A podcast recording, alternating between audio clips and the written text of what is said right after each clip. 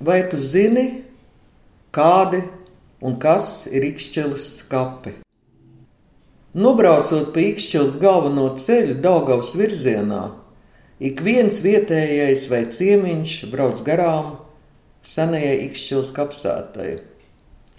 Tā tiešām ir viena no senākajām kapsētām Latvijā, kurā joprojām tiek veikti apbedījumi. Pat kapsēta ierīkot 17. gadsimta beigās, kad mirušos pārtrauc apglabāt pie Ikšķils baznīcas un pastorāta. Sākotnēji šie kapi bija tikai latviešu zemnieku un amatnieku kapi, bet no 1772. gada te glabāt arī Ikšķils draudzē piederīgie vācieši, savukārt 19. gadsimtā Kapsētā tika ierīkota pareizticīgo daļa, kas laika gaitā izveidojās par atsevišķiem kapiem. Šeit glabāti pareizticībā pārgājušie latvieši un tuvumā esošās Krievu armijas nometnes karavīri.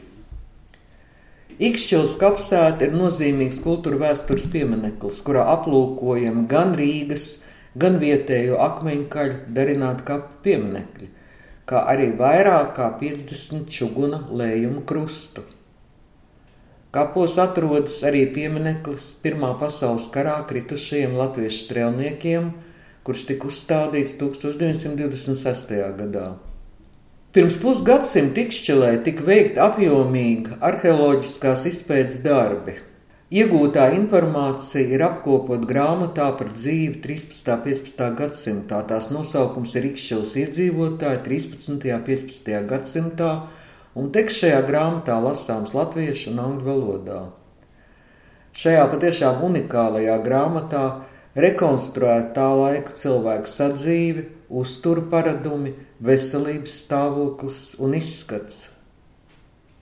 To šķirstot, mēs pārliecināmies, ka Ikšķila ir viena no senākajām apdzīvotajām vietām Latvijā. Vēsturnieki uzskata, ka apdzīvotība Ikšķilē sākusies jau vēlajā paleolītā, bet desmitajā gadsimtā šeit apmetušies lībieši. Senā lībiešu ciema lielākie arheoloģiskie pētījumi veikti pagājušā gadsimta 60. un 70. gados. Ikšķils baznīcas kapsētā arheologs Jānis Graudonis pirms 50 gadiem izpētīja vairāk nekā 600 apbedījumus. Un šis materiāls bija ļoti pateicīgs, lai spētu rekonstruēt Ikšķils 13. un 15. gadsimta iedzīvotājs sadzīvi, veselību, uzturu un izskatu. Grāmatā apkopotie pētījumi vēsta, ka tolaik te bijusi pilsētnieciska vide – un dzīvojuši bagāti ļaudis, kuru mūžs gan bijis visai īss to laiku.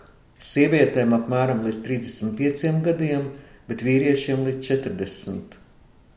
Ar šo grāmatu ir vērts iepazīties, tā ir ļoti bagāta ar ilustrācijām, kuras nav tikai mākslinieka fantāzijas auglis, bet gan rekonstrukcija. Grāmatu Ikšķils iedzīvotāji 13. un 15. gadsimtā vēsturnieks sauc par pirmo mēģinājumu pasniegt objektīvu vēsturi ikvienam saprotamā veidā.